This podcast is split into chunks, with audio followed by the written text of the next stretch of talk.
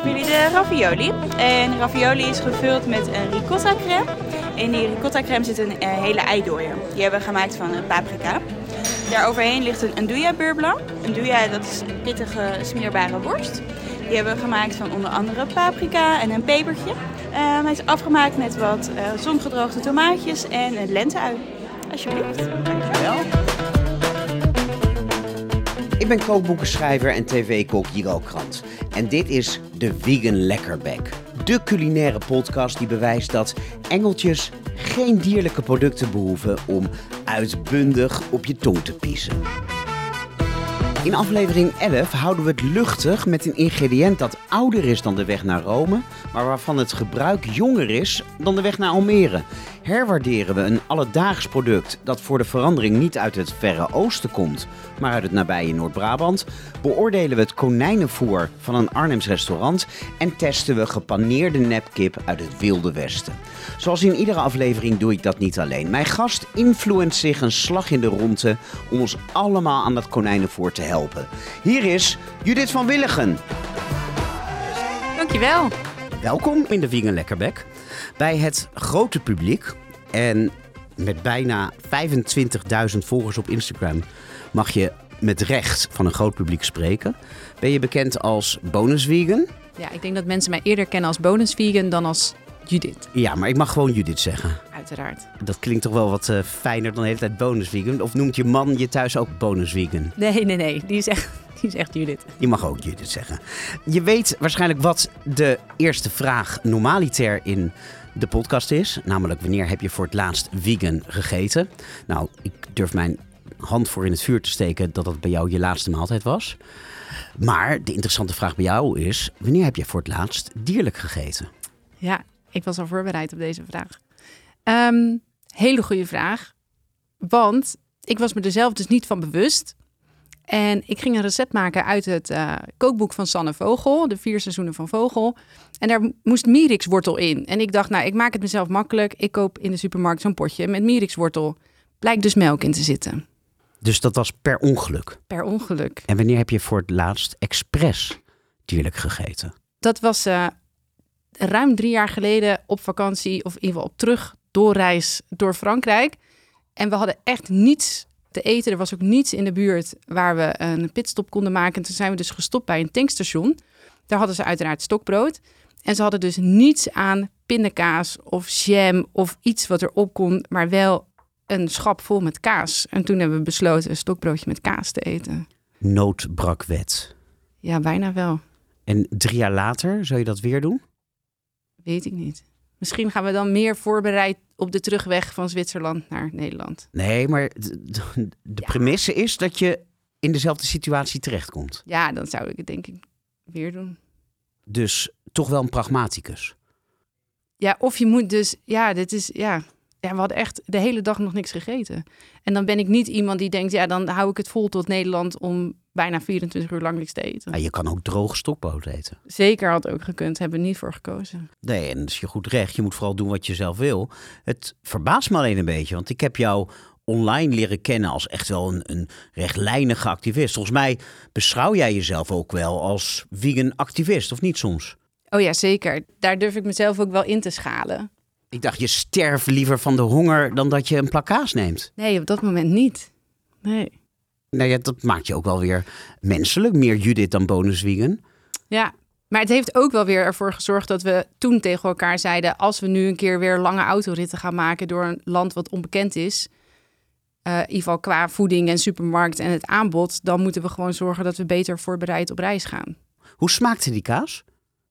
Ja, ik moet zeggen dat het, het smaakte niet. Maar ik deed puur voor de voedingsstoffen. En in kaas zit dan ook weer niet echt een voedingsstof dat je denkt, ja, dit heb ik echt nodig. Nee, maar ik vraag dat als je heel lang uh, bijvoorbeeld geen kaas hebt gegeten en dan eet je het om welke reden dan ook, dat je het dan misschien gewoon helemaal niet meer lekker vindt. Of je had zoiets van, oh, dit heb ik al die tijd gemist, wat is het lekker. Nee, dat heb ik helemaal niet gehad. Het was ook niet, het, het was gewoon zo'n pakje met dat je denkt, dit is gewoon een soort rubber wat je eruit haalt, niet zo'n kwalitatieve goede kaas als die je misschien bij een kaasboer zou kunnen kopen. Nee, maar misschien nog altijd beter dan de allerbeste namaakaas. Ja, nou ja, nee, daar kon ik. Nee, dan eet ik nog liever de namaakkaas. Maar ik moet wel zeggen, ik heb dus twee jaar geleden verkochten ze ehm, bij de zuivelhoeven. Mag ik eh, van me- merken spreken? Tuurlijk, we zijn een geheel onafhankelijke podcast, niet gesponsord. Ik zou ook meteen nu aan het begin vragen aan iedereen om ons te belonen met vijf sterren. Want je hoeft hier nooit naar een reclame te luisteren. Maar alles mag dus. Oké, gelukkig. Eh, bij de zuivelhoeven verkochten ze dus de vegan kaasjes van Watson en Watson uit Amsterdam. En toen dacht ik, ik wil stimuleren dat zo'n zuivelhoeve meer vegan kaasjes gaat verkopen. Ik zou dat wel te gek vinden in plaats van dat je dat altijd online moet bestellen. En toen liep ik dus die kaaswinkel binnen. En toen dacht ik, wat is hier? Het lijkt wel of er hier honderd mensen hebben staan overgeven. Zo zuur ruikt het. En hoe kan je hier de hele dag in werken? En ik was echt onder de indruk van de geur en, en wat het aan mij veranderd heeft in die vijf jaar dat ik toen vegan was. Dat ik dacht, maar vroeger liep ik een kaaswinkel in en vond ik het lekker ruiken. En dan dacht ik, oh, ik ga een stuk kaas kopen. Maar nu dacht ik, ik wil zo snel mogelijk weg. Maar dat stokbroodje met kaas in dat Franse benzinestation riep niet die weerzin bij je op. Nee, dat ik niet, nee, niet dat ik me kan herinneren. Dat is Ja. heel lang geleden. Drie jaar zei je. Ja, ja ik, heb dat niet, ik heb dat verdrongen gelijk. Ik heb dat gegeten en verdrongen. Nu heb je me verteld wanneer je voor het laatst per ongeluk iets dierlijks hebt gegeten. En wanneer je uit nood iets dierlijks hebt gegeten. Maar nu weet ik nog steeds niet hoe lang je vegan bent. Sinds maart 2017. Je weet het heel precies. Ja, Vier je die datum ook? Hoeveel maart? ik, dat durf ik niet precies te zeggen. Oké, dus je hebt Nee. niet een verjaardag van je veganisme. Nee, maar dan zou dat nu, vandaag, inderdaad. eh, Het is maart. Ja. Zes, zes jaar geleden zijn, ja. Nou, gefeliciteerd. Dankjewel. Ja.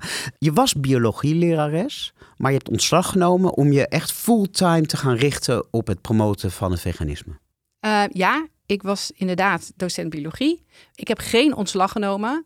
Ehm, ik ben verhuisd vanuit Zuid-Holland naar Gelderland. En daarbij was het niet mogelijk. Of ja, alles is mogelijk. Maar ik moest anderhalf uur reizen om bij de school te blijven lesgeven waar ik les gaf. En omdat de bonus vegan zo hard gegroeid is, ehm, kan ik hier inderdaad een salaris uithalen. En is het dus niet nodig om in het onderwijs te werken. Dus je werkt daar niet meer? Nee, maar ik heb dus geen ontslag genomen om dit per se te doen. Nee, nee, maar je hebt wel ontslag genomen. Bent gestopt met werken. Ja, ik heb wel ontslag genomen. ja, maar niet, niet om de bonus vegan eh, per se. Oké, oké. is meer de verhuizing. En ik heb wel gezegd, ik zou heel graag terug willen in het onderwijs voor twee dagen. Want hoe leuk het ook is om eh, influencer te zijn en mensen op de hoogte te brengen van alle plantaardige opties. Mhm. Het is ook een heel eenzaam beroep. Je bent veel thuis, alleen, met je laptop en je telefoon. En in het onderwijs, ja, ik heb 13 jaar les gegeven. Daar ben je iedere dag met mensen. En dan is dat best wel een overgang. Dus alleen voor het sociale aspect zou ik heel graag weer eh, het onderwijs terug in willen. Ja, als biologielerares. Absoluut. Ja. Alleen bij het beroep van biologielerares horen ook snijpractica. Dan snij je dieren aan flarden. Daar heb jij als rechtgeaarde vegan geen problemen mee? Ehm, dat is inderdaad gebruikelijk dat dat gebeurt. Het is niet verplicht. Het staat niet in de eindexamentermen van het biologieonderwijs dat dat een verplicht onderdeel is. Het wordt wel veel gedaan. En ik ben dat inderdaad steeds langzamer gaan afbouwen. En uiteindelijk heeft dat bijvoorbeeld bij een van de scholen waar ik gewerkt heb, heeft dat dus maar echt mijn baan gekost, omdat ik weigerde om eh snijpractica te geven. En ik heb gezegd, ik wil nog maar één snijpractica doen waarvan ik echt vind dat er een leerrendement aan vastzit. En waarna het orgaanweefsel naar een dierenasiel gedoneerd kan worden als voeding. Maar zij wilde dat ik echt alles deed. Ehm, en daar, dat heb ik geweigerd. En dat kostte me mijn baan. Dus wat dat betreft wel een hardliner. Ja, ja, daar was ik wel hard in. Ja, er werd gevraagd of dat ik de baarmoeder van een zwanger schaap wilde opensnijden en het embryo eruit wilde halen voor een HAVO 5 klas.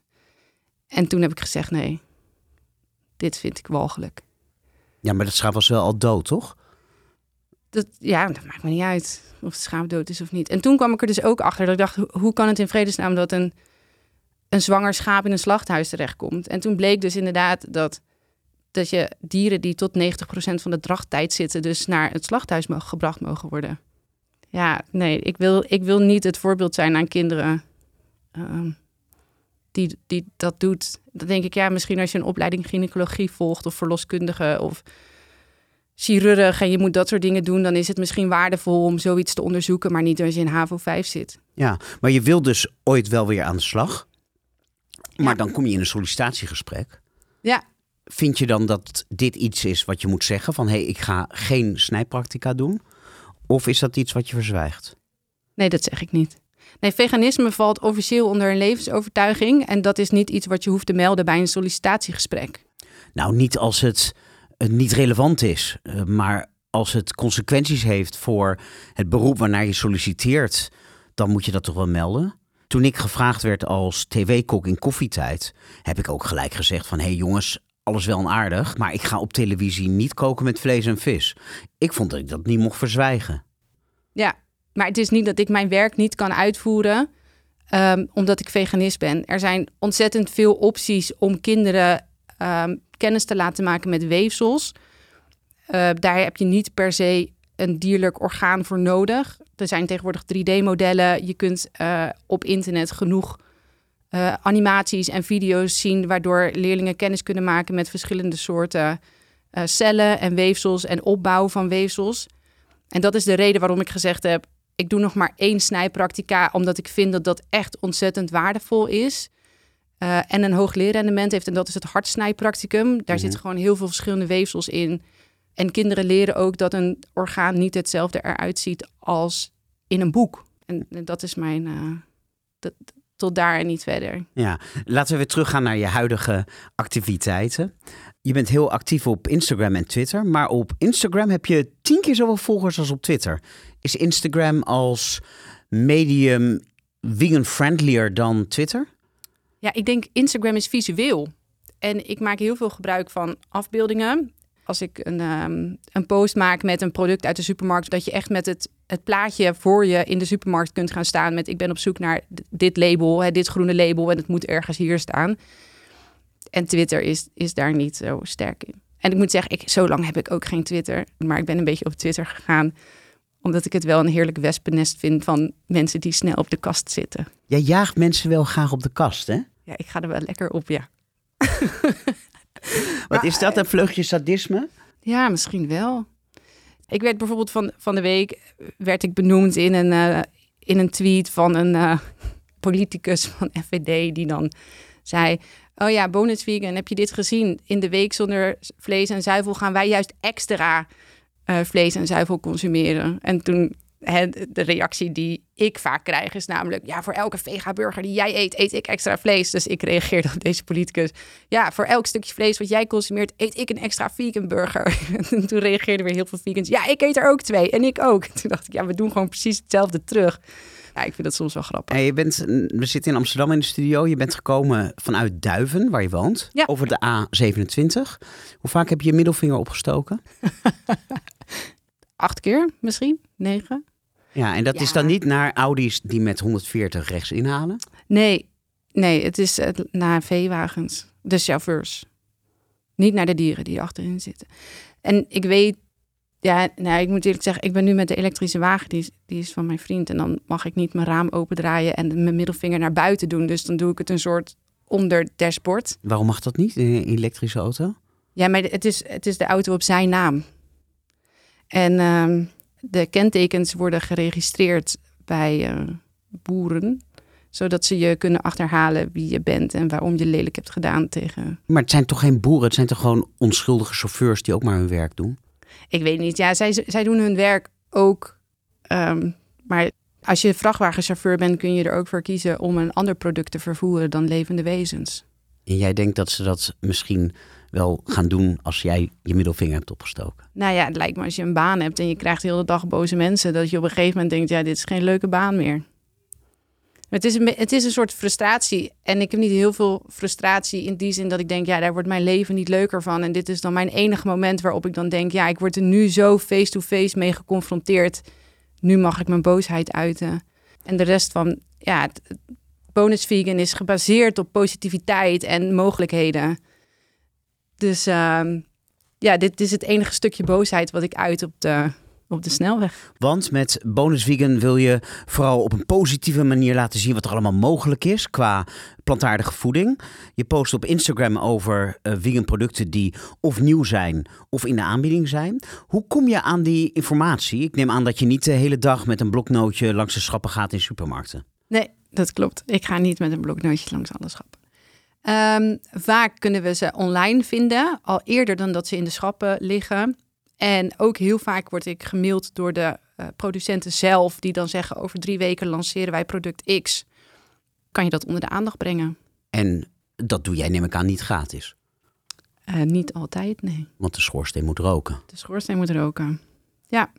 Ja, en uh, dat is waar ik in het begin wel heel veel moeite mee had toen ik, uh, toen ik dit startte. Omdat je het doet vanuit een passie voor uh, het klimaat en voor de dieren.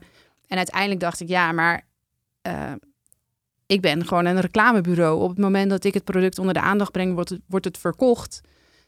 dus ja, daar, daar valt een omzet uit te halen. En daar ben ik ook onderdeel van. Dus dan mag dat ook uitbetaald worden in de vorm van geld. Ja, en is er dan verschil tussen het ene of het andere bedrijf? Maak jij ook reclame voor McDonald's voor een vegan product als ze dat vragen? Een van de weinige bedrijven waarvan ik eigenlijk niet zou, of waarvan ik zou zeggen, ik promote het niet.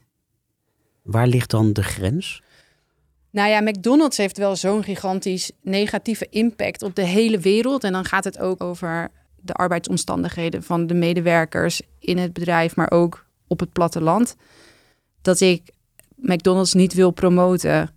Ja, maar je hebt wel reclame gemaakt voor de plantaardige chocomel van Friesland Campina. Ja. Die zijn onlangs het nieuws gekomen omdat ze tonnen gif in de Waddenzee dumpen. Uh, zijn de grootste zuivelgigant van het land. Waarom dan wel voor dit bedrijf? Ja, goede vraag. Ik denk dat het een, een gevoelsmatige kwestie is. En ik wil ook wel dat Campina inziet dat er mogelijkheden zijn en dat het ja, dat het wat oplevert en dat er een doelgroep is die vegan chocomel wil kopen. Of nu komt Campina met een, uh, een haverbarista en een havermelk en een sojadrink. Of ja, ik moet drink zeggen. Nee, maar dat ik begrijp prima waarom je het wel doet, maar je doet dat niet bij McDonald's. Nee, ja, dat is echt het enige bedrijf waarvan ik nu zeg nee, niet. Maar ze hebben ook niets vegans op de friet na. En uh, geloof ik appelstroedel uh, hapjes. Zelfs ze hebben een McPlant, maar die is niet vegan. Nee, dus het is ook nog geen probleem. Dus eigenlijk doe je het voor iedereen. Ja. Een paar weken geleden zag ik een hele leuke post van je op Instagram. Je noemde het Vegan Instinkers. Waar je een aantal producten toonde die op het eerste gezicht vegan lijken, maar dat in werkelijkheid niet zijn. Klopt, ja. Um, en dat gaat over producten die echt op de verpakking neerzetten vegan of plantaardig. En dat dus niet blijken te zijn. Maar ook producten zoals pure hagelslag, waarvan je eigenlijk kan aannemen, nou, pure chocolade is vegan en het niet vegan blijkt te zijn. Ja, maar daar is het geen misleiding. Ik zag ook een, een baba ganoush en een hummus van Maza. Nou ja, dat is meer mensen denken van ja, in hummus zit niks wat je niet mag hebben. Het is een vegan product. En hetzelfde geldt voor baba ganoush. En dan zit er honing of uh, geloof eiwitpoeder in. Maar goed, dat mag. Ze ja. reteneren ook niet dat het vegan is. Nee. Maar nu zag ik ook een margarine van Zeeuws Meisje. En daar staat dus gewoon op de voorkant plantaardig voor koken, bakken en braden. Klopt. het is niet plantaardig. Nee, er zit uh, melk in. En dat komt omdat het woord vegan niet beschermd is. Dus het is in de voedingswereld geen beschermde naam. Dus je kan niet de politie erop afsturen. Nee, je kan ook niet de NVWA of de reclamecodecommissie hierop afsturen. Maar moreel is er natuurlijk totaal fout. Is dit bewust gedaan? Om vegans ertoe te brengen om dit te kopen terwijl het niet vegan is? Ik heb geen idee of ze dat bewust zouden doen. Maar het is wel ontzettend verwarrend. Maar ik neem aan dat jij dan Ziels meisje belt. En nee. vraagt wat is hier aan de hand? Nee, ik heb niet Ziels meisje gebeld. Maar ik moet nu iets bekennen hier al. Um, na de uitzending van de podcast met uh, Daan Faber over truffel. Want ook uh, de truffelmayonaise van Mr. Kitchen staat in deze vegan instinkers. Ja. Heb ik zeven weken lang geprobeerd, tot aan vanmorgen aan toe, om contact op te nemen met het Italiaans certificatenbedrijf, wat het vegan certificaat voor de truffel heeft uitgegeven. Mm -hmm. ik, heb, ik ben zelf zo ver gegaan dat ik onder iedere Instagram-post ging zeggen: hey, Ik heb jullie gemaild, kunnen jullie uh, een reactie geven? Ik heb geen reactie gekregen tot op heden. Ik heb het zelfs laten vertalen door een Italiaan, omdat ik dacht, nou, misschien is Engels wat lastig. Dan doen we het in de moedertaal. Ook daar werd niet op gereageerd. Dus bestaat helemaal niet het hele keurmerk? Nou, het bedrijf bestaat wel, misschien het keurmerk ook, maar zo heel professioneel vind ik het bedrijf niet als zij zeven weken lang geen professionele reactie kunnen geven op een vraag waarom zij een veganistisch keurmerk geven aan truffel waar dieren voor gebruikt worden. En dit is blijkbaar, zoals ik begreep uit de podcast, een heel groot certificaatbedrijf of bedrijf wat heel veel certificaten in Italië uitgeeft. En dan verwacht ik daar wel een stukje professionaliteit van met een uitleg daarover. En die uitleg komt er niet. Ja. Dus voor mij is dit nog steeds een product wat niet vegan is. Ja, nou ja, dat mag iedereen voor zichzelf bepalen. Ik vind wel dat als eh, drie jongens die zelf niet vegan zijn, hun best doen om de supermarkt plantaardiger te maken. En dat naar eer en geweten doen, dat dat alle lof verdient. Absoluut. Het zijn drie fantastische mannen en ze maken absoluut fantastische producten. Maar daarnaast, en dat is een discussie die ik heb geprobeerd te voeren met een aantal vegans die mij mijn huid vol scholden op. Het was wel grappig, want ik had een, op YouTube een vegan mayonaise recept gezet. En tegelijkertijd werd ik door carnivoren en door vegans voor een rotte vis uitgemaakt. Maar de discussie die ik interessant vind is... Kijk, we hebben altijd in harmonie met dieren geleefd. En op een gegeven moment is dat helemaal uit verhouding gegroeid. Is de bio-industrie ontstaan? Is er een, het is niet voor niets dat het veganisme zoals we dat nu kennen... nog niet bestond toen wij geboren werden. Het is een reactie op hoe het er nu aan toe gaat in de vlees- en zuivelindustrie de vraag is dan, is elke inzet van een dier per definitie fout? En dat is wel een beetje wat je krijgt bij vegans, dat zodra er een dier iets heeft gedaan in het proces, dan is het niet meer vegan. En dat is wat ik me afvraag. Ik ben heel erg tegen kinderarbeid. Maar ik vind het niet fout als ik mijn kinderen even naar de Albert Heijn stuur om een boodschap te doen. Nee. Nou, die grens is ook splinterdun. Want als je bedenkt dat honing niet onder, hè, onder de noemer niet vegan wordt geschaard, omdat veel um, koninginnen uit zo'n kolonie, daar worden de vleugels van afgeknipt, zodat ze niet weg kunnen vliegen. Dat maakt het dan niet vegan. Terwijl we hebben ook insecten nodig om ons fruit en ons groente te bestuiven. En dat noemen we wel vegan, terwijl we ze daar wel voor nodig hebben voor die bestuiving. Ja. Dus die lijn is ook heel, heel flinterdun. En in het geval van truffel, uh, waarom het zo gevoelig ligt, is Um, daar worden dieren voor ingezet. Voorheen waren dat varkens. Um, dat zijn steeds vaker honden. En nu wordt er inderdaad gezegd, nou die honden vinden dat hartstikke leuk en die hebben daar plezier in. Nou, dat is zeker niet in alle gevallen. Maar ik kan me voorstellen dat er ook een boer is die dat doet met een hond, die goed behandeld wordt, die het hartstikke leuk vindt en die s'avonds voor de open haard lekker ligt na te genieten van de dag. Ja, en dat zou ook kunnen. Alleen kan je dat niet achterhalen omdat het niet op een product staat wat dus wel bekend is uit de truffelindustrie, is dat, hè, dat hebben we, um, of in ieder geval, er is een aflevering van de Keuringsdienst van Waarde, waar staat hoe groot zo'n gebied is waar die honden gaan zoeken op zoek naar truffel. Dat is gigantisch groot. En we weten uit de truffelindustrie dat verschillende uh, ja, truffelbazen elkaars honden dus proberen te vergiftigen, zodat die honden doodgaan en zij een groter gebied hebben om truffels te zoeken. Ja, het is gebeurd. Het is gebeurd. Maar goed, dus ik ging ervan uit, als er een keurmerk is afgegeven, en ik ga ervan uit dat als Daan zegt dat is een groot keurmerk, is een goed keurmerk, dat dit dus blijkbaar een truffelboer is die dat inderdaad met een hond heeft gedaan, maar waarvan zo'n organisatie zegt: hier is geen sprake van onrechtmatig gebruik van dieren. En dat is wat ik had willen weten als reactie van dit certificaat. Maar ik kreeg heel veel reacties van het kan sowieso niet, want mensen kunnen het niet vinden en dus is het niet vegan. Maar iets anders, je had het over de keuringsdienst. Keuringsdienst had ook een hele mooie uitzending over kokos, waaruit bleek dat bijna in de hele industrie apen worden ingezet om die kokosnoten uit de boom te halen. Waarbij die apen gruwelijk worden behandeld en dat het bijna niet te traceren is, net zoals bij uh, slavernij, bij chocola in welk product wel of geen aap zit, wordt, bij wijze van spreken. Maar jij zegt niet, ik, nee, ik zie gewoon kokosproducten op bonuswingen. Ja, klopt, ja. Het is wel een beetje hetzelfde. Ja, en die lijn is ook ontzettend dun.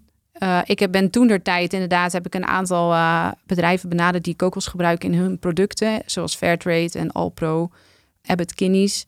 En zij beweren dat zij dat dus niet, uh, dat hun producten aapvrij is dan ga ik daar dermate half ook van uit. Hé, maar wacht even. Dus bij kokos geloof je de bedrijven die je hebt benaderd op hun blauwe ogen als ze beweren dat er absoluut geen gebruik is gemaakt van apenarbeid? Terwijl we weten uit de keuringsdienst dat het ontzettend moeilijk is om na te gaan. Maar bij truffelmayonaise van Mr. Kitchen ga je ondanks de aanwezigheid van een keurmerk, ervan uit dat het niet vegan is. Dan is er toch sprake van selectieve verontwaardiging.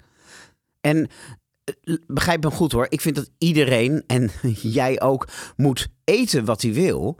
Maar jij geeft zelf de hele tijd aan dat het een, een best wel dunne scheidslijn is tussen wat dan wel en niet door de beugel kan. Ja. Maar toen ik Daan Faber van Mr. Kitchen uitnodigde om hier aan tafel over zijn uh, truffelmayonaise te praten, toen kreeg ik de hele vegan wereld over me heen en kreeg ik zelfs hier en daar een verkapte bedreiging naar mijn hoofd geslingerd.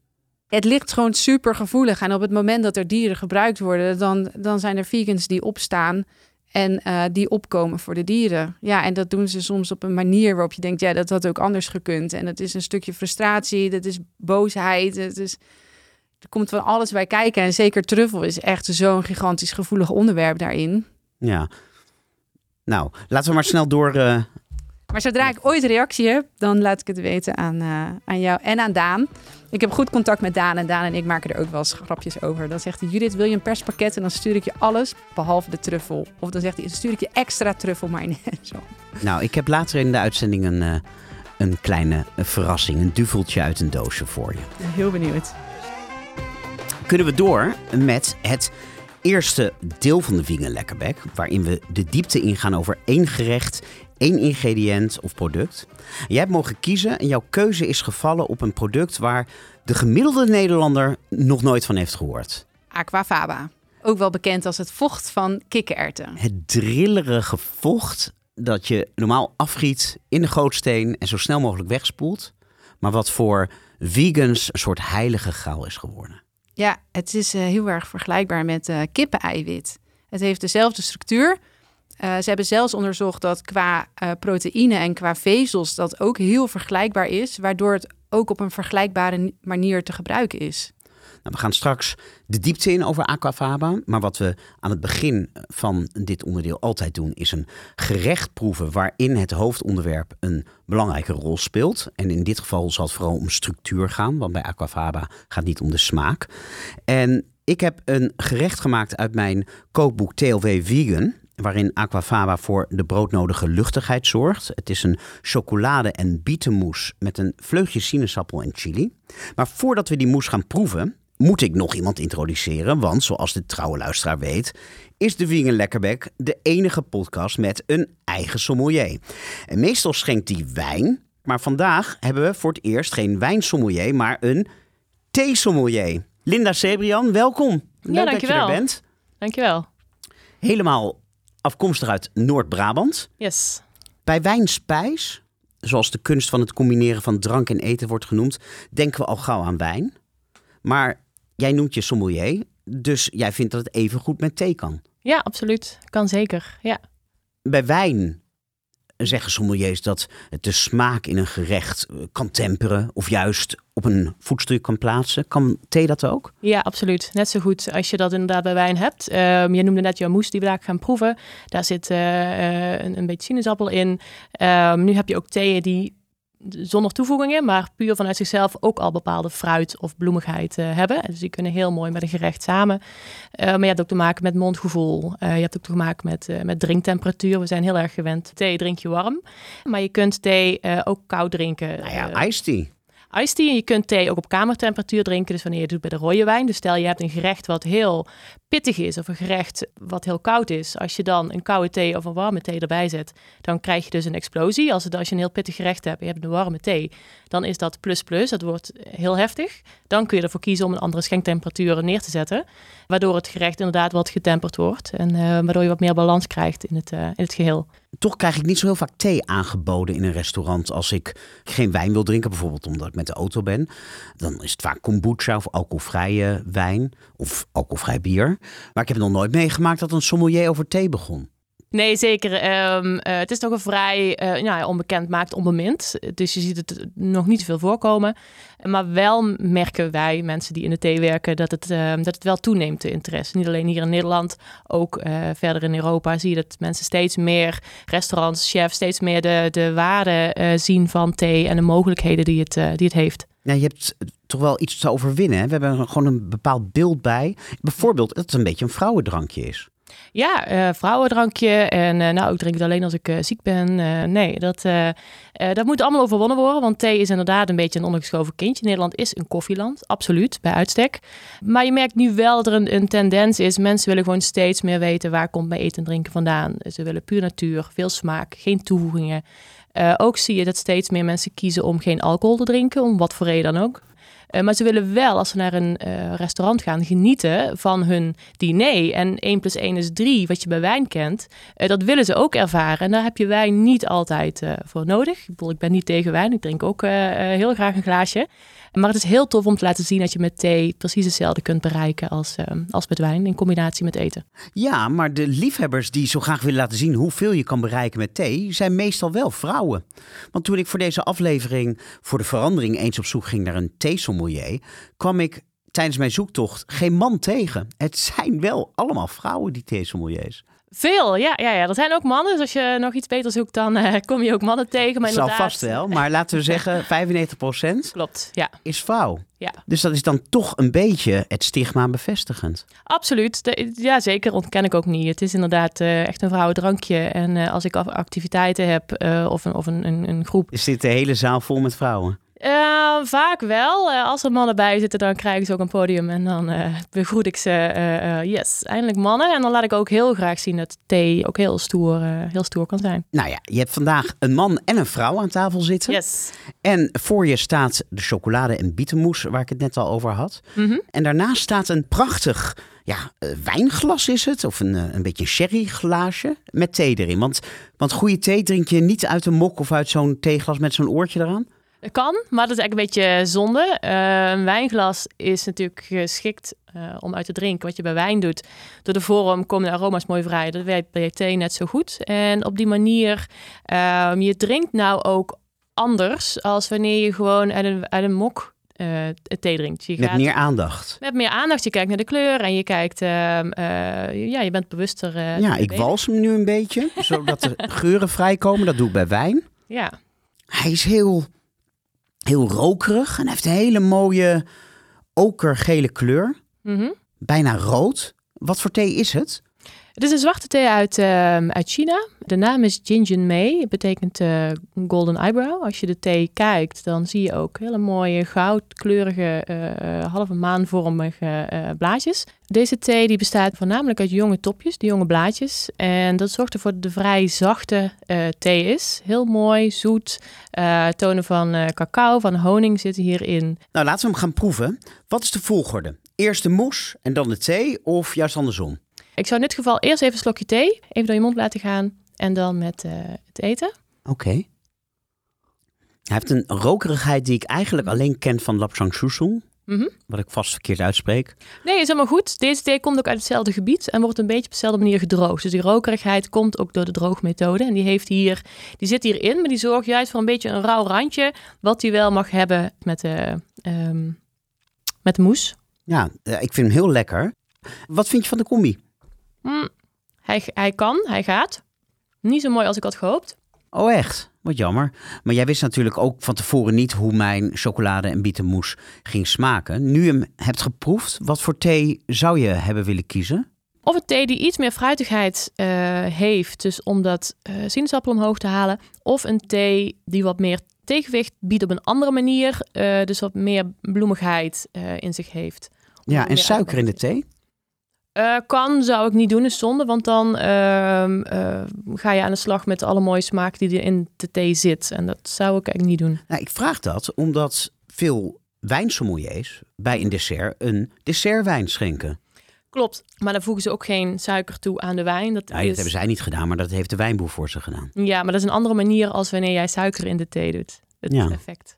Ja, en het is wel jammer, want eh, je- je bent net weggegaan om uit het zicht de thee te bereiden. Mhm. Maar ik neem aan dat jij niet met zo'n theezakje hebt staan schudden.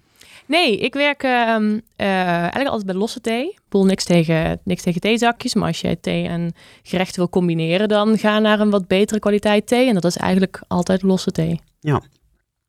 Ik vind hem wel heel lekker. Ehm, niet heel heet. Is dat de Nee. bedoeling? Ja, de, een drinktemperatuur van 60 graden is ongeveer fijn. Want dat betekent dat je hem goed, uh, goed door kunt drinken en is hij nog warm. Dus dan is dat een fijn gevoel. Maar dat, uh, dan moet je echt je verwachtingspatroon aanpassen. Want mm.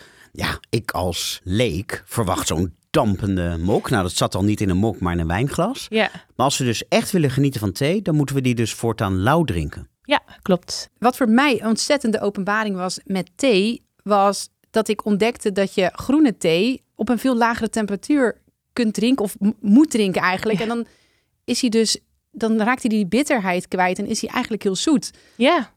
Ja, klopt. Superleuk. Uh, je kunt door te spelen met jouw watertemperatuur heel erg uh, bepalen wat jij in jouw kopje krijgt. Dus bijvoorbeeld bij deze zwarte thee zet ik me op 100 graden, heb ik meer de cacao die naar boven komt. 80 graden wat meer de honingtoon die naar boven komt. Met groene thee, dus inderdaad zak je met je watertemperatuur. En dan is hij helemaal niet bitter, dan is hij juist heel mooi zoet en zacht en toegankelijk en gewoon lekker. Ja, ja, want ik dacht, het groene thee werd toen gepresenteerd. Het is zo gezond, er zitten mm. antioxidanten in. En ik ging dat drinken. Ik dacht, nou, als die gezondheidsgoeroes dat zeggen, moet ik het ook. en toen dacht ik, hoe kunnen mensen dit wegdrinken? Dit is gewoon een bak bitterheid wat ik naar binnen zit te slurpen. En toen kwam ik erachter dat als ik het theewater iets liet afkoelen en dan pas die groene thee erin deed, toen dacht ik, wow, dit is gewoon super zoet eigenlijk. Je hebt geen suiker nodig ter compensatie of iets. Precies. Maar ook stel, want in de horeca komt het vaak tegen, dan halen ze water uit een bepaalde um, uh, plek waar het alleen maar 90 graden is of net van een kook af. Als je dan een kortere trektijd hebt met je groene thee, dan heb je nog steeds een mooi uh, zacht kopje. Dus ook al kun je alleen maar kokend water doen, dan kun je toch lekker groene thee pakken, maar dan ga je de, de, de trektijd uh, verkorten. Dus dan kun je ook nog een beetje spelen. Deze thee komt uit China. Mhm. Maar ik had eigenlijk stiekem gehoopt dat hij uit Noord-Brabant kwam. Want Mhm. dat hebben we nog niet gezegd. Maar behalve theesommelier ben jij ook de enige Nederlandse theeteler. Yes. Wat een mooie alliteratie is. Nou. Maar je hebt een plantage in Noord-Brabant. Ja, klopt. In Surendonk. Ja, daar ehm, heb ik een boerderij waarop ik eh, thee verbouw en eh, ook produceer. Ja, maar die is het nog niet waard om hier in de podcast te schenken? Oh, meer dan waard. Alleen het moest in combinatie met het gerecht. En ik dacht dat deze thee daar beter geschikt voor zou zijn dan mijn eigen productie. En wat voor thee is dat? Een groene thee en zwarte thee. En dat is dezelfde thee, hè? De, de- dat is net zoals bij olijven. Als je ze plukt, dan is dan is het groen. En als je het laat oxideren, dan worden ze zwart. Ja, helemaal goed. Ja, ik heb me goed ingelezen. En waarom ben je eraan begonnen? Kan het hier wel in ons klimaat? Ja, kan supergoed. Het beeld wat wij voornamelijk in ons hoofd hebben over thee is eh, tropisch en warm en bergachtig. Eh, nu is Nederland veel, maar niet tropisch warm en bergachtig. Nee. Eh, maar dat zijn niet per se de vereisten voor thee. Eh, thee vind je op heel veel plekken in de wereld. En ga je kijken naar theelanden van oorsprong, dus denk aan China, Japan, Taiwan. Het zijn allemaal theelanden eh, waar thee groeit, maar waar het ook vriest, waar ook sneeuw in de theetuinen ligt. Dus de thee kan supergoed tegen vorst. Dus dat is geen probleem. Maar waarom wordt er dan niet veel meer thee verbouwd hier in West-Europa? In Europa is het de laatste jaren komt het op. De theeplant is ook al honderden jaren in Europa. Je ziet nu de laatste jaren dat thee steeds meer aan terrein wint. Dus ik heb inmiddels al meer dan 50 collega's in heel, eh, in heel Europa. Alleen thee is een wat eh, lastiger gewas om mee aan de slag te gaan. Waarom? Omdat je vooral veel tijd nodig hebt voor je ermee aan de slag kan gaan. Als je een plant in de grond zet, dan heeft je een jaar of vijf nodig voor die sterk genoeg is dat je ervan kan oogsten. Ja, maar dat geldt ook voor Chinezen. Klopt, maar die zijn 2000 jaar geleden al begonnen. Die hebben wat meer expertise. Maar bijvoorbeeld de Britten, Mhm. die zijn verzot op thee. Dat is Ja. hun nationale drank. Klopt. En toch verbouwen ze het niet. Ja, jawel, ze hebben al meer dan 20 thee-producenten. Nou ja, bijna al hun thee komt natuurlijk nog steeds uit Tuurlijk. China, India, Sri Lanka, et cetera. Ja, wij, zijn- maar wij kunnen in Europa ook nooit op tegen de theeconsumptie ehm, die hier plaatsvindt. Daarnaast zijn wij geen laaglonenland. Dus stel als ik een ochtend thee ga plukken, dan doe ik dat niet voor 2,16 dollar. Dat is geloof ik de dagloon in, eh, in, in Afrika. Ehm, dus als jij voor massa gaat, en dat is wat wij in Europa consumeren, dan moeten we dat altijd nog halen uit de eh, landen van oorsprong. Ja, maar toch, we hebben hier gigantische velden vol met druiven. Mhm, We drinken ook veel wijn. Die mensen moeten ook natuurlijk betaald worden. tuurlijk. En we halen niet onze wijn uit China. Klopt, mensen zijn ook niet gewend om te betalen eh, voor thee. Eh, wij zijn gewend in de theezakjes, je voor 2 euro, haal je 20 theezakjes. Dus wil jij een goede thee, dat kan uit Europa helemaal geen probleem. Alleen, dan betaal je meer dan 10 keer zoveel dan normaal. En dat is een, een tendens die nog moet gebeuren. Ja, en waar kunnen we jouw thee drinken? Bij mij. Ik heb werk op verschillende restaurants, maar ik heb op mijn eh, eh, plantage ook eh, activiteiten waar mensen kunnen proeven en eh, kunnen kopen. Noem eens één restaurant waar we jouw thee kunnen drinken. Eh, bij Albrecht in Eindhoven is een veganistisch eh, restaurant. Ik weet niet of je hem kent. Fantastisch. Dus dat is een, eh, een partij waar ik heel erg graag mee, eh, mee samenwerk. En is jouw thee ook helemaal vegan? Maak jij niet gebruik van dieren voor bestuiving of bemesting of zo? Nee, ik heb eh, in, in één veld heb ik eh, kippen los rondlopen en die zorgen voor de bemesting. Maar dat is, ja, dat, dat, dat is een halve hectare en er lopen tien kippen rond. Dus het is niet zo dat ze op een hokje zitten. eh. Judith, Lekker laten scharrelen. je drinkt je thee nog wel op. Basis van kippenstront. Ja, het smaakt perfect. Ja. nou, nog heel even over thee. Want vrijwel iedere theeconnoisseur die ik spreek... ergert zich groen en geel aan hoe wij gewone stervelingen onze thee drinken. Mhm. Nu begrijp ik dat ik dus eigenlijk de overstap moet maken naar losse thee. Maar ik heb thuis nog heel veel theezakjes liggen van Pickwick en eh, Twinings en hoe ze ook allemaal mogen heten. Die moeten eerst op. Dus hoe maak ik daar van die theezakjes dan toch nog de lekkerste thee? Ehm, het belangrijkste is je water dat je gebruikt. Ehm, wij pakken vooral water uit kraan en is natuurlijk prima. Niks mis met ons kraanwater. Even los van alle discussies wat er wel of niet in zou zitten. Maar je kunt het beste water pakken wat wat gefilterd is. Dus waar wat kalkmineralen uit zijn ehm, eh, gehaald. Dan heb je al voor 90% eh, een verbetering in, jouw eh, in jouw kop. Ergens las ik spa. Je moet spa gebruiken. Spa is het zachtste mineraalwater wat wij in Nederland hebben. Maar sommige theeën, eh, bijvoorbeeld deze zwarte thee die je drinkt, die komt uit een heel bergachtig gebied. Die zou juist gebaat zijn met water waar iets meer kalk in zit om toch wel meer kracht eruit te halen. Maar inderdaad, spa is een, een goede. Maar je hebt tegenwoordig zoveel eh, filterkannen en filters die je op je kraan kunt zetten. Daarmee Ja. red je al heel veel van je thee. Ja, ik heb thuis zo'n kan. Die gebruik ik voor eh, het water in mijn espressoapparaat. Maar ik zal hem vanaf nu ook inzetten voor de kopjes thee die ik zet. Gaan wij eh, weer door met het hoofdonderwerp van vandaag, namelijk aquafaba. Allereerst de chocolade en bietenmoes met een vleugje chili en sinaasappel. Vinden jullie het wat? Ik vind het heerlijk. En ik moet zeggen dat de binnenkant ziet er zo uit als zo'n bros chocola van vroeger. Je ziet echt de luchtige belletjes erin zitten. En die luchtigheid heeft hij dus niet te danken aan opgeklopt eiwit, maar aan opgeklopt aquafaba. En jij, Linda, had nog nooit van aquafaba gehoord, hè? Mhm. Was helemaal nieuw voor Zei mij. aqua wat is? Yes. Het is een heel bijzonder product. Vooral omdat het door de Latijnse naam lijkt alsof aquafaba al zo oud is als de weg naar Rome. Maar in de tijd van de Romeinen, toen het Latijn nog de lingua franca was, bestond het hele woord aquafaba niet. Het betekent ook eigenlijk bonenvocht. Ja, het is opgebouwd uit het woord aqua, wat natuurlijk water betekent, en faba, wat bonen is. Het is wel zo dat het het beste werkt met kikkererwten. Ja. Witte bonen werkt ook wel, maar eh, kikkererwten wel het allerbeste. En ja, men kookt al bonen zolang men eet, zo ongeveer.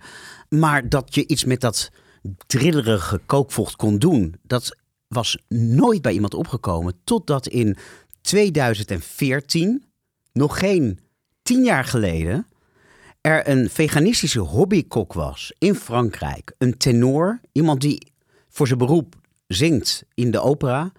Die ging ermee aan de slag en die ontdekte dat je dat vocht, wat je normaal gewoon meteen wegkiepert, kan opschuimen zoals eiwit. En het leuke is dat eh, deze meneer, Joël Rossel, hij komt uit de Elzas, vandaar de Duitse achternaam, dat die heb weten op te sporen. En heb weten over te halen tot een interview. Hij wilde eerst niet, want hij spreekt niet zo goed Engels.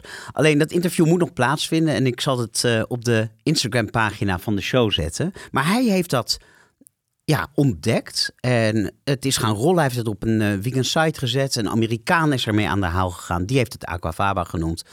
En the rest is history. Nu ineens kunnen vegans weer genieten van chocolademousse, meringue, dus eh, schuimpjes, marshmallows en ook cocktails met zo'n mooi schuimig laagje erop. Ja. En de reden dat het werkt is omdat er in kikkererwten ontzettend veel eiwitten zitten en koolhydraten. En die twee bestanddelen zijn essentieel wil je het opkloppen. Het interessante is dat Nederland het enige land is dat proteïne eiwit noemt.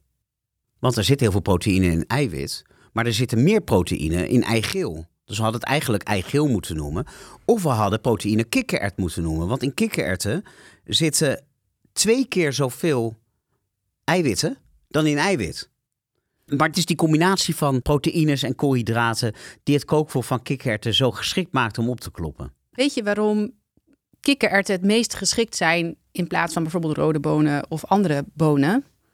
Hier komt een stukje biologie hè, van mij weer naar boven. Ja. Als je kikkererwten gaat koken of weken, dan raakt het velletje los. En daardoor kunnen al die eiwitten uit die kikkerert komen. En dat maakt dat die eiwitten in dat vocht gaan zitten, waardoor die dus lekker opschuimt. Ja, want voor het opschuimen is het heel belangrijk dat er zoveel mogelijk proteïnes en koolhydraten uit die kikkererwten in dat kookvocht terechtkomen. En daarom is het ook zo moeilijk om zelf aquafaba te maken. Als je bijvoorbeeld zelf hummus hebt gemaakt, dan zal het je niet lukken om dat kookvocht op te kloppen. Het werkt echt alleen met het kookvocht uit zo'n blik of pot uit de fabriek. En dat heeft denk ik te maken eh, enerzijds met de druk. Het wordt in de industrie onder hoge druk gekookt. En ook omdat alles bewaard blijft. Als je zelf kookt thuis, dan schep je uit de pan altijd schuim eraf. En ja, dan gaat er dus heel veel verloren aan eiwitten. Dus zelf maken is vrijwel onmogelijk. Zelfs met een hoge drukpan krijg je nooit dat drillerige kookvocht dat je aantreft in conserven, in blikken of potten kikkererwten. Ik denk ook dat het helpt dat die kikkererwten in blik of in een pot nog wekenlang blijven zwemmen in dat kookvocht, waardoor die aquafaba steeds rijker wordt. Het, het, marineert als het ware. En toch zijn er telkens weer bloggers en influencers die beweren dat je zelf aquafaba kunt maken, maar dat is dus echt onzin. Althans, mij is het nog nooit gelukt. En dus ben je voor je vegan chocolademousse aangewezen op de conserven van hak en consorten. Maar ook daar heb je heel veel verschillen in kwaliteit en in kwantiteit. Want in het ene blik zit simpelweg veel meer aquafaba dan in het andere blik. En dat is eigenlijk ook logisch, want die fabrikanten die bekommeren zich niet om die paar vegans die op zoek zijn naar het kookvocht. Deden zij veel, die maken gewoon kikkererwten. Die zijn maar niet bezig met het kookvocht. Dus je moet gewoon echt uitproberen in welk blik of in welke pot het meeste vocht zit. En dan is er ook nog gewoon een verschil in kwaliteit. Het ene blik heeft veel betere aquafaba dan het andere blik. En dus is het gewoon ja, uitproberen. Welke gebruik jij, Judith? Ik heb die van bonduel of hak uit mijn hoofd. En dan de biologische kikkererwten. Daar zit veel vocht in. Maar in de Turkse supermarkt hebben ze zo'n glazen pot met zo'n oranje label. Die zijn ook echt perfect. Ja, sowieso. Als je het niet zeker weet, kan je beter voor de glazen potten gaan. Omdat je dan er doorheen kan zien of het een beetje drillerig is. Want dat wil je. Of dat het echt wel helemaal vloeibaar is. Ik gebruik die van nou, BioIdea. Heb ik hele goede ervaringen mee. Maar het interessante is dat het natuurlijk een beetje de omgekeerde wereld is. Vroeger gebruikten we de kikkererwten en gooiden het kookvocht weg. Maar als je nu bijvoorbeeld deze chocolademousse wil maken, dan koop je een blik kikkererwten. Je gebruikt het kookvocht en die kikkererwten staan te wachten totdat je er een keer wat mee uh, moet doen. En dus zijn er ook nu sinds kort fabrikanten die in dit gat in de markt zijn gesprongen. En heb ik een aquafaba gevonden die zelfs bonus vegan nog niet kende. Hij wordt ook niet in de supermarkt verkocht. Van het merk Saheli, komt uit Winterswijk, te koop bij de groothandel. En ik heb jou zo'n flesje gegeven om het te testen. Ja, dat heb ik niet gedaan. Oh, je hebt het niet gedaan? Het flesje staat dus al weken bij mij op het aardig, maar ik vind het er zo onaantrekkelijk uitzien. Nu ziet Aquafaba er natuurlijk sowieso onaantrekkelijk uit. Maar ik heb het wel geprobeerd. En ik zal jullie een filmpje laten zien wat ik ook online ga zetten. Dit is een filmpje dat versneld wordt afgespeeld. Aan de ene kant zien jullie het aquafaba uit een blik um, kikkererwten. En aan de andere kant de aquafaba die je nu in een flesje kan kopen. Die en, blik schuimt heel ja, snel op. Nou. En wat je ziet is dat ze allebei opschuimen. Maar het schuim van de aquafaba uit blik wordt veel steviger en is veel beter dan de aquafaba uit dat flesje. Er blijft zo'n mooie piek bij de aquafaba uit blik heel mooi omhoog staan. Terwijl de piek van uit het flesje, die, die lijkt zo een beetje in te zakken. Ja. ja, omdat die veel minder stevig is. Ja. En daarbij komt dat zo een flesje, en er zit 450 milliliter in, kost, en dat is bij de groothandel, dus dat is ex-BTW, ruim 7 euro. Daarvoor koop je gemakkelijk drie blikken kikkererwten. En het bederft snel. Het is natuurlijk voor de horeca, dus die gebruiken meer. Maar je kan dus eigenlijk beter gewoon blikken kikkererwten kopen. Het enige is, ja, je eet ook heel veel kikkererwtensalade. Heel veel hummus. Nee, geen groenmoes, want groenmoes maak je Oh, niet van kikkererwten uit blik. Sorry. Ja, daar ben ik heel streng in. Oh. Een goede tip als je thuis aan de slag gaat met aquafaba om daar merengues van te maken, dus de, de schuimpjes in de volksmond, is het goed om het bakblik en je schuim of je, je schaal goed te ontvetten. Dus hè, zorgen dat die echt vetvrij is. En het kan zijn ehm, dat je een klein beetje citroensap moet toevoegen, zodat die goed blijft schuimen. Eh, het ligt ook ontzettend aan je oven. Ik weet nog wel dat ik een eh, in mijn vorige appartement had ik een, echt een rukoven. En daar stortten ze allemaal in in de oven. En ik heb nu echt een goede hete luchtoven. Daar worden ze perfect. Dus zo'n knapperige buitenkant met zo'n chewy binnenkant. Eh, dus het is echt heel erg afhankelijk van de, je oven, de oven die je gebruikt, de materialen die je Ja. gebruikt. Maar zo'n klein scheutje citroensap toevoegen, dat is echt, doet wonderen. En dan zou bijna iedereen vegan merengues kunnen maken. Ja, nou, wat ook werkt, en dat is misschien nog iets beter dan eh, citroensap, omdat je dan geen vocht hoeft toe te voegen, is cream of tartar. Dat is wijnsteenpoeder. En natuurlijk gewoon suiker. In de meeste gerechten waar je aquafaba gebruikt, gaat suiker. Of het nou marshmallow is, of chocolademousse, of meringues. Maar als je suiker al toevoegt bij de aquafaba bij het opschuimen, dan werkt dat als een stabilisator. En dan kristalsuiker of poedersuiker. Ik gebruik bastardsuiker. Maar misschien moet ik daar ook een keer twee naast elkaar doen. Eén met bastardsuiker en één met eh, poedersuiker. En misschien nog één met eh, kristalsuiker om het verschil te zien. Ehm, een andere tip is, aquafaba gaat kapot als het boven de 100 graden komt. Dus als je recepten ziet voor cakes of voor wat dan ook waar aquafaba in gaat... en de oven moet naar 180, dan kan je het net zo goed er niet in doen. Het slaat helemaal nergens op. Nee, ja, schuimpjes of merengues zijn ook heel laag. Dus je hebt, je hebt Zit er net onder. Ja, nee, je hebt echt een uur, vier, vijf nodig om dit te maken. Dus het is gewoon opkloppen en dan in de oven zetten en dan eh Netflixen. Ja. Of een podcast van eh je kan Nou, luisteren. kijk. Ja, nou, tot zover eh, de Aquafaba. Kijk allemaal op de Instagram-pagina van de Wingen Lekkerbek voor zowel het interview met Joël als het filmpje van het opkloppen van de Aquafaba. Gaan we door met het volgende onderdeel van de Wingen Lekkerbek. Maar dat doen we helaas zonder jou, Linda, want jij moet er vandoor. Yes. Ontzettend bedankt voor het komen. Nou, dankjewel voor de uitnodiging. Heel tof om hier, eh, om hier te mogen zijn. Ja, en heel tof om iets meer over thee te weten te komen. Wanneer is jouw deelname aan de podcast geslaagd? Als mensen hun thee minder heet zetten? Of, Ehm, want dat heb je helemaal niet gezegd, maar dat hoor ik altijd van thee sommeliers. Niet heen en weer met het zakje. Ja, niet soppen. Nee, want dan krijg je al die bitters eh, eh, uit jouw eh, thee. Die komen in jouw kopje. Ehm, nee, als mensen even meer nadenken over producten... en eventjes een keer langer erover nadenken... dan alleen de drie keer soppen, dan is het al geslaagd.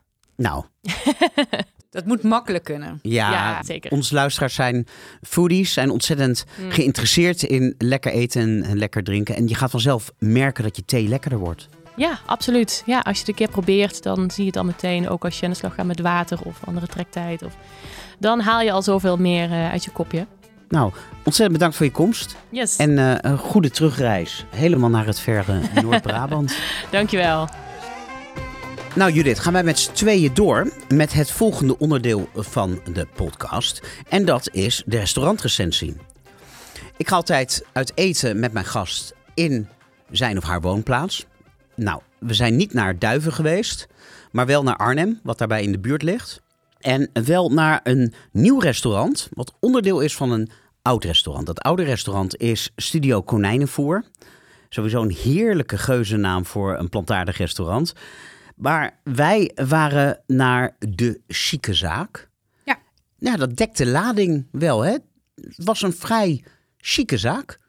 Ja, het zag er heel prachtig uit. Ja, vroeger als vegan was je gedoemd om te eten in een soort veredelde mensa, een cafetaria. Maar Ja. je kan tegenwoordig als vegan gewoon echt uit eten. Met kaarslicht. Absoluut. Hele mooie grote ramen. Ja, hoog plafond. Ja. Wat vond je daarvan? Ehm, ik ben verrast door de chique zaak. Ik ken Studio Konijnenvoer vooral van de pasta's. En ehm, ja, we hebben nu ook wel pasta's voorgeschoteld gekregen. maar ook andere gerechten. En dat vond ik heel verrassend. Ja, het waren geen grote borden met pasta. Zoals in het andere restaurant van Studio Konijnenvoer, dat een uh, verdieping lager zit. We hebben daar tussen twee gangen even een kijkje genomen. Ja. En daar was de sfeer heel anders. Het was er gezellig, rumoerig, het gonste er. En de gerechten die ik daar zag, die oogden echt het, het, was comfortfood. En boven bij ons was het veel meer fine dining. Kleine gerechtjes, subtiele smaken. Ja, precies. En, en dat met de fine dining en de smaken, dat haalde ik wel eruit in de oude konijnenvoer, hè, dus beneden. En hoe ze dat nu verpakt hebben in die kleine gerechten is wel uh, verrassend geweest, ja. Ja, nu zeg ik altijd tegen mijn gasten dat ik ergens wil eten waar ze nog niet zijn geweest. Ook om met een open blik en onbevooroordeeld ergens heen te gaan. En jij had nog nooit in de chique zaak gegeten, maar je kende wel ongeveer iedereen in de bediening en in de keuken. Dus ik durf het bijna niet te zeggen, maar ik vond het een beetje tegenvallen. Dat kan ik me voorstellen. En waarom? Mm, nee, ik denk dat de verwachting heel hoog lag. Um, voor konijnenvoer. Of in ieder geval voor de zieke zaken, de, het onderdeel van konijnenvoer. En ik denk als de, dat, dat uw verwachting niet helemaal waargemaakt is. Nee, er zijn een paar dingen, maar laten we een paar. We hebben heel veel gerechtjes gekregen. Dus we kunnen niet alles bespreken, maar laten we er een paar. Ik zie ook dat jij je telefoon erbij hebt gepakt, want we hebben uiteraard alles gefotografeerd. Laten we er een paar bij pakken. Maar voor we dat doen, start ik het restaurantgeluid in, dat ik altijd heimelijk opneem, zodat we hier in de studio de sfeer van het restaurant kunnen oproepen. Over die sfeer niks dan goeds, maar wat ik jammer vind in een vegan restaurant is als het één groot imitatietheater is, waarin ieder gerecht meerdere dierlijke producten worden nagebootst. We kregen pikante Italiaanse worst, we kregen mozzarella, ricotta crème, gemaakt dan van plantaardige ingrediënten. Ja, ik vind dat jammer, omdat het smaakt nooit als het origineel. En je kan zoveel meer met mooie groentes, met mooie ingrediënten. Ja, ja ik, heb, ik, heb, ik heb dat minder. Ik heb ook niet de verwachting bij een vervanger dat het echt zo zou smaken zoals de vervanger. Maar daardoor is het wel in mijn ogen toegankelijk voor iedereen. Omdat uh, je ziet toch als mensen veganistische gerechten willen proberen, dat ze toch zoeken naar iets wat ze al kennen. En op het moment dat het gerecht alleen maar uit groenten bestaat, dan, dan haken ze snel af. En als ze hier zien staan dat het een Italiaans worstje is of pastrami, dan is de drempel wat lager om daar te gaan eten. Ik denk het tegenovergestelde. En zeker voor niet-vegans die een keer chic plantaardig uit eten willen. Want als jij in het dagelijks leven nog gewoon kaas en worst eet, dan is het toch veel minder aantrekkelijk om een spervuur aan imitatiegerechtjes voorgeschoteld te krijgen dan wanneer er mooie gerechten op basis van groenten op het menu staan. Dan maak je de drempel voor niet-vegans toch juist veel lager. Absoluut, ben ik mee eens. Maar toch is dat niet hoe het werkt. Want daarom liggen ook de supermarkten vol met vervangers. Omdat de mens toch uh, dat stukje vlees wil skippen, maar niet de structuur en de smaak. Dus die producenten van vleesvervangers, die proberen zo dicht mogelijk bij de structuur en de smaak te komen. Mm Ehm, en je ziet in restaurants veel waar vleesvervangers gebruikt worden, dat dat ook populair is. Dat mensen dan toch denken, hey, laat ik dat dan toch eens proberen. Bijvoorbeeld zo'n redefined meat uh, of zo'n kip, zo'n kipburger. Um, ja, mensen in mijn omgeving zeggen ook wel, die, die zeggen ook, ja, ik ben naar Burger King geweest en ik heb zo'n chicken burger geprobeerd, zo'n veggie chicken burger. En ik heb tegen mezelf gezegd, als die precies hetzelfde smaakt als de dierlijke variant, dan koop ik nooit meer de dierlijke variant. En dat doen ze dus niet meer, want het smaakt precies hetzelfde. Dus ik denk dat de drempel wel lager is als mensen een soort herkenbare menukaart hebben om dan binnen te stappen. Mm. Oké, oké. nou laten we een paar gerechtjes bijpakken. Het begon, en het was denk ik een gimmick, maar het begon heel raar wat mij betreft. Het begon met wat zij strange white powder noemden. En dat was één of twee dagen nadat Gold Band, een, een band op Noorderslag het nieuws had gehaald omdat ze op het podium hadden gesnoven. En wij kregen een spiegeltje met een lijntje poeder. En het was dan niet de bedoeling dat we dat opsnoven, maar we moesten met onze vinger dat dippen en het eten. Het was een poeder op basis van yuzu, een citrusvrucht uit Azië. Uh, Wasabi. Inderdaad, wat wasabi en porcini. Ja, ik vond het een beetje alsof iemand een zuurtje over de handzeep had gehaald. Oh. Ik vond het vooral gekkigheid. Ja, ik vond het niet vies. Maar het is, wel, ja, het is wel bijzonder. Maar dit is wel mooi, want er wordt wel over gesproken. Dus ja, het is wellicht dat er nu mensen denken, dit wil ik ook proberen. Ja, het was wel grappig. Ik weet niet of ik het nou heel lekker vond, maar het was wel grappig. Ik pik er eentje uit. Mag jij er ook eentje uitpikken, oké? Ja. We hadden ravioli. Oh, jij hebt een foto daarvan. Laten Ja. zien. Even om mijn geheugen op te frissen. Oh ja, het was één, eigenlijk één grote raviolo. Toch? Het was er één, toch? Ja, het was er één. En die was dan gevuld met ricotta crème.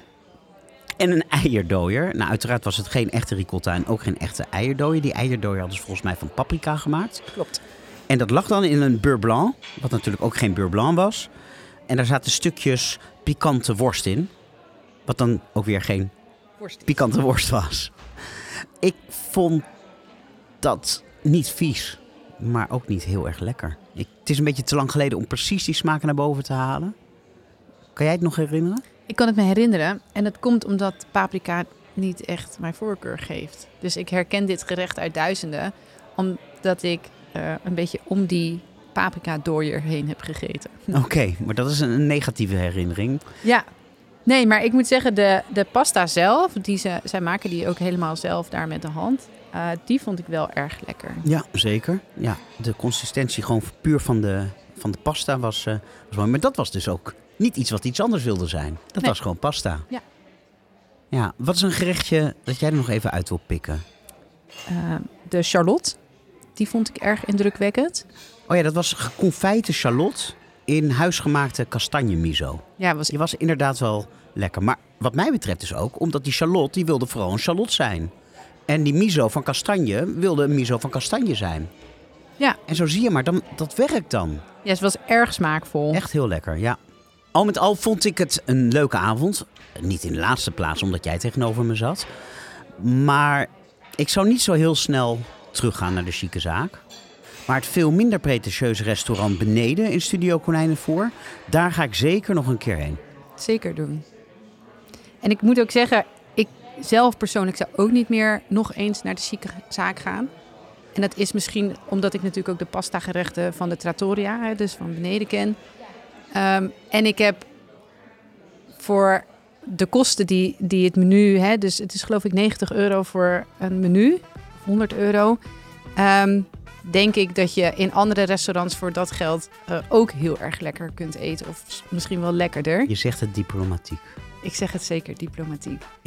Ik kom wel een keer terug, maar dan ga ik de trap af. Groot gelijk. Zijn we aangekomen bij het laatste onderdeel van de show, het rare vegan ding. We bekijken, ruiken, voelen en proeven een vegan noviteit uit de supermarkt. En wij testen vandaag een nieuw product van Beyond Meat, een producent uit Amerika, uit Californië. Zij zijn heel groot geworden met hun Beyond Burger, maar ze hebben nu voor het eerst een kippenschnitzel. Een heel andere structuur. Ik ben heel benieuwd. Je hebt het ook nog niet geproefd, hè? Nee. Nee, je mocht ook niet van mij. Maar het ligt, eh, hoe lang ligt dit nu in de winkel? Ehm, twee weken. Echt zo kort?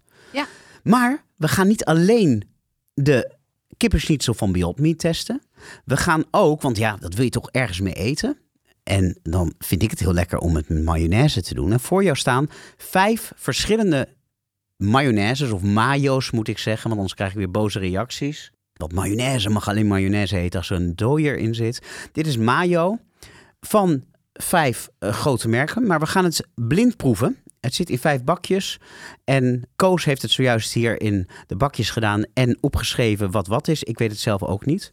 Dus ja, ik ben heel benieuwd wat je van de schnitzel vindt en welke mayo lekker is en welke niet. Ik ben ook benieuwd. Ik test dus niet zo eerst eh, plain. Hm. Ik denk dat je dit, eh, als je dit uitdeelt op straat en je zegt dat een kipsnitzel is, dat niemand doorheeft dat dit... eh, Ik vind dit de beste plantaardige kippenschnitzel die ik heb gegeten tot nu toe. Het is heel lekker. En die, ja, het is natuurlijk ook de manier waarop je het bakt, maar die laag is ook heel krokant. Dit zouden ze nou bij een fastfoodketen moeten verkopen. Als chickenburger. Ja, kan prima. Ik ga de mayo's testen. Ik heb een vermoeden dat ik Helmans eruit haal. proef jij lekker even door. Ik laat het oordeel aan jou. Vertel ik even dat aquafaba, waar we het de hele tijd over hebben gehad, niet goed werkt als je zelf mayonaise wil maken. Dan is het geen goede vervanger voor ei. En wat je ook uh, hoort op internet. Um, ik zag laatst een filmpje van Maruska Metz op YouTube. Die vegan mayonaise maakte met aquafaba. Ik zag gisteren een filmpje. Ik pak even mijn telefoon erbij. Voorbij komen van Fit Green Mind. Een Duitse vlogster met, nou, ik geloof een miljoen volgers of zo. Ken je haar?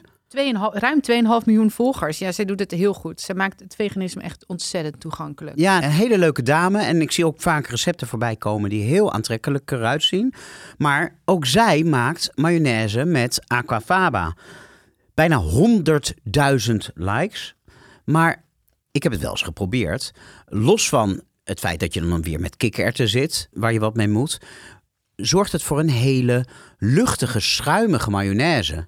Want het aquafaba wordt, ja, zoals eiwit, heel erg luchtig. Maar bij mayonaise wil je dat het lobbig wordt. En niet dat het heel luchtig wordt. En er is een waanzinnig simpele manier om mayonaise te maken. Namelijk gewoon met sojamelk. Ongezoete sojamelk.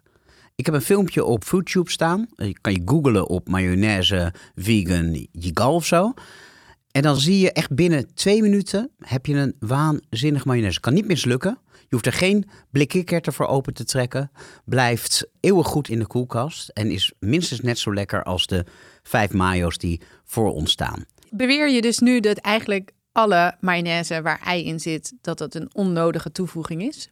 De eidooier in mayonaise is vooral een emulgator. Maar voor de emulgatie hoef je het niet te gebruiken. Kan je ook gewoon sojamelk gebruiken, ja. Of je koopt gewoon een pot vegan mayo in de supermarkt, waarvan jij er nu vijf hebt geproefd. Heb je al een keus kunnen maken? Ik vind nummer twee heel goed. En het is vooral omdat hij blijft plakken. Nummer twee heeft een hele mooie zalvige consistentie. En heeft lekker wat zuur ook. Ja. Ik en welke is het minst? Ik vind de rest wat stevig. Ik vind nummer vijf het minst. Het is ook, ik, ik drukte er net een beetje met mijn vinger op en mijn vinger was, er kwam alleen maar vet vanaf. Hij is bijna een beetje doorzichtig glimt een beetje. Heb je een top 5? Dan ga ik voor 2. 2 is mijn nummer 1. Ik pak de uitslag erbij. 2 is de Helmans. Kijk. Ja, dat is um, mijn favoriet. En daarna zou ik of 1 of 3. 3. Ik vind de 3 wel heel erg lekker. Het is niet meer helemaal blind, want ik zie nu welke het is. En dat is de Jumbo. Oh. En die heb ik erbij gedaan omdat bij een test in de Volkskrant die er als beste uitkwam. Nou ja, ik snap het wel. Er staat ook nog niet zo heel lang in de schappen bij Jumbo. Ik denk nu maand of vier, vijf. Geef ik verder de uitslag. Jij vond nummer vijf het minste. En daar ga ik je heel erg blij mee maken. Want dat was het duveltje uit het doosje waar ik het over had. Ik heb, zonder truffel natuurlijk, ook de mayonaise van Mr. Kitchen erbij gedaan. Die heeft niet zo'n hele mooie consistentie, moet ik je nageven. En dan hebben we nog nummertje 4. En dat is die van Jean Baton. Oh ja. Ik vind die erg dun. Ik heb die eerder thuis ook gebruikt. En als je daar een salade mee maakt, dan wordt die salade meteen ja, heel waterig. Oh. Nu heb ik, ik durf het bijna niet te zeggen, maar je zit ver genoeg. Uh, je kan me niet slaan. Ik heb thuis kippen. Nou, dat weet je ook als je naar deze podcast luistert. En die zijn trouwens net weer begonnen met eieren leggen. Dus ik maak wel eens eiersalade. En dat doe ik dan met vegan mayonaise. Ik voel me altijd een beetje schuldig dat ik dan die vegan mayonaise door mijn eiersalade doe. Maar het zijn eieren van kippen die, nou jongen, die hebben een leven. En dan wordt die eiersalade een beetje waterig. En dat gaat inderdaad bij Helmans veel beter. Dus Helmans is de glorieuze winnaar. Geef je de eieren ook wel eens terug aan de kippen? Zeker. Zeker. Een ware cocktail voor de kippen. Um, ja, maar het is ook heel, heel goed voor hun gezondheid om eiwitten binnen te krijgen. En soms verpulver ik de schillen ook. Er zit veel kalk in. Vooral dat hebben ze nodig. Ja. De, de schillen. Ik vind dat ook een goede deal. Ik de eieren, jullie de schillen. Wordt het toch nog ergens goed voor gebruikt. Ja, zeker. Nou, daarmee zit de zevende aflevering van de Vegan Lekkerbek er alweer op. Nog even de oproep om allemaal een kijkje te nemen op de Instagram-pagina van de Vegan Lekkerback. Simpelweg de Vegan Lekkerback geheten. Daar vind je alle info over wat we vandaag besproken hebben. Inclusief het interview met Joël Roussel over zijn uitvinding de Aquafaba. Het filmpje van de twee verschillende Aquafaba's. Erg leuk om te kijken. Vergeet ook niet ons te belonen met 5 sterren op Spotify, iTunes of waar je ook bent ingetuned. Mocht je nou een raar vegan product hebben geproefd, misschien zelfs één waar Judith nog nooit van heeft gehoord, laat het ons weten. Dan testen we dat hier in de uitzending. Koos en Frank, bedankt voor de gastvrijheid. We nemen al onze afleveringen op bij Microphone Media in Amsterdam Oost. Nou ja, Linda is weg. Dus uh, Judith, ik bedank jou voor het komen. Heb je nog wat thee? Nee, ik heb geen thee, maar ik heb nog wel een fantastisch lekker chocoladetoetje in een cocktailglas. Ja, heb je niet opgegeten. Vond je het wel lekker? Absoluut, ik ga hem nu helemaal leeg. Ja, en het zit in een cocktailglas. Klinken we daarmee. Legijn, dank voor het komen. Legijn.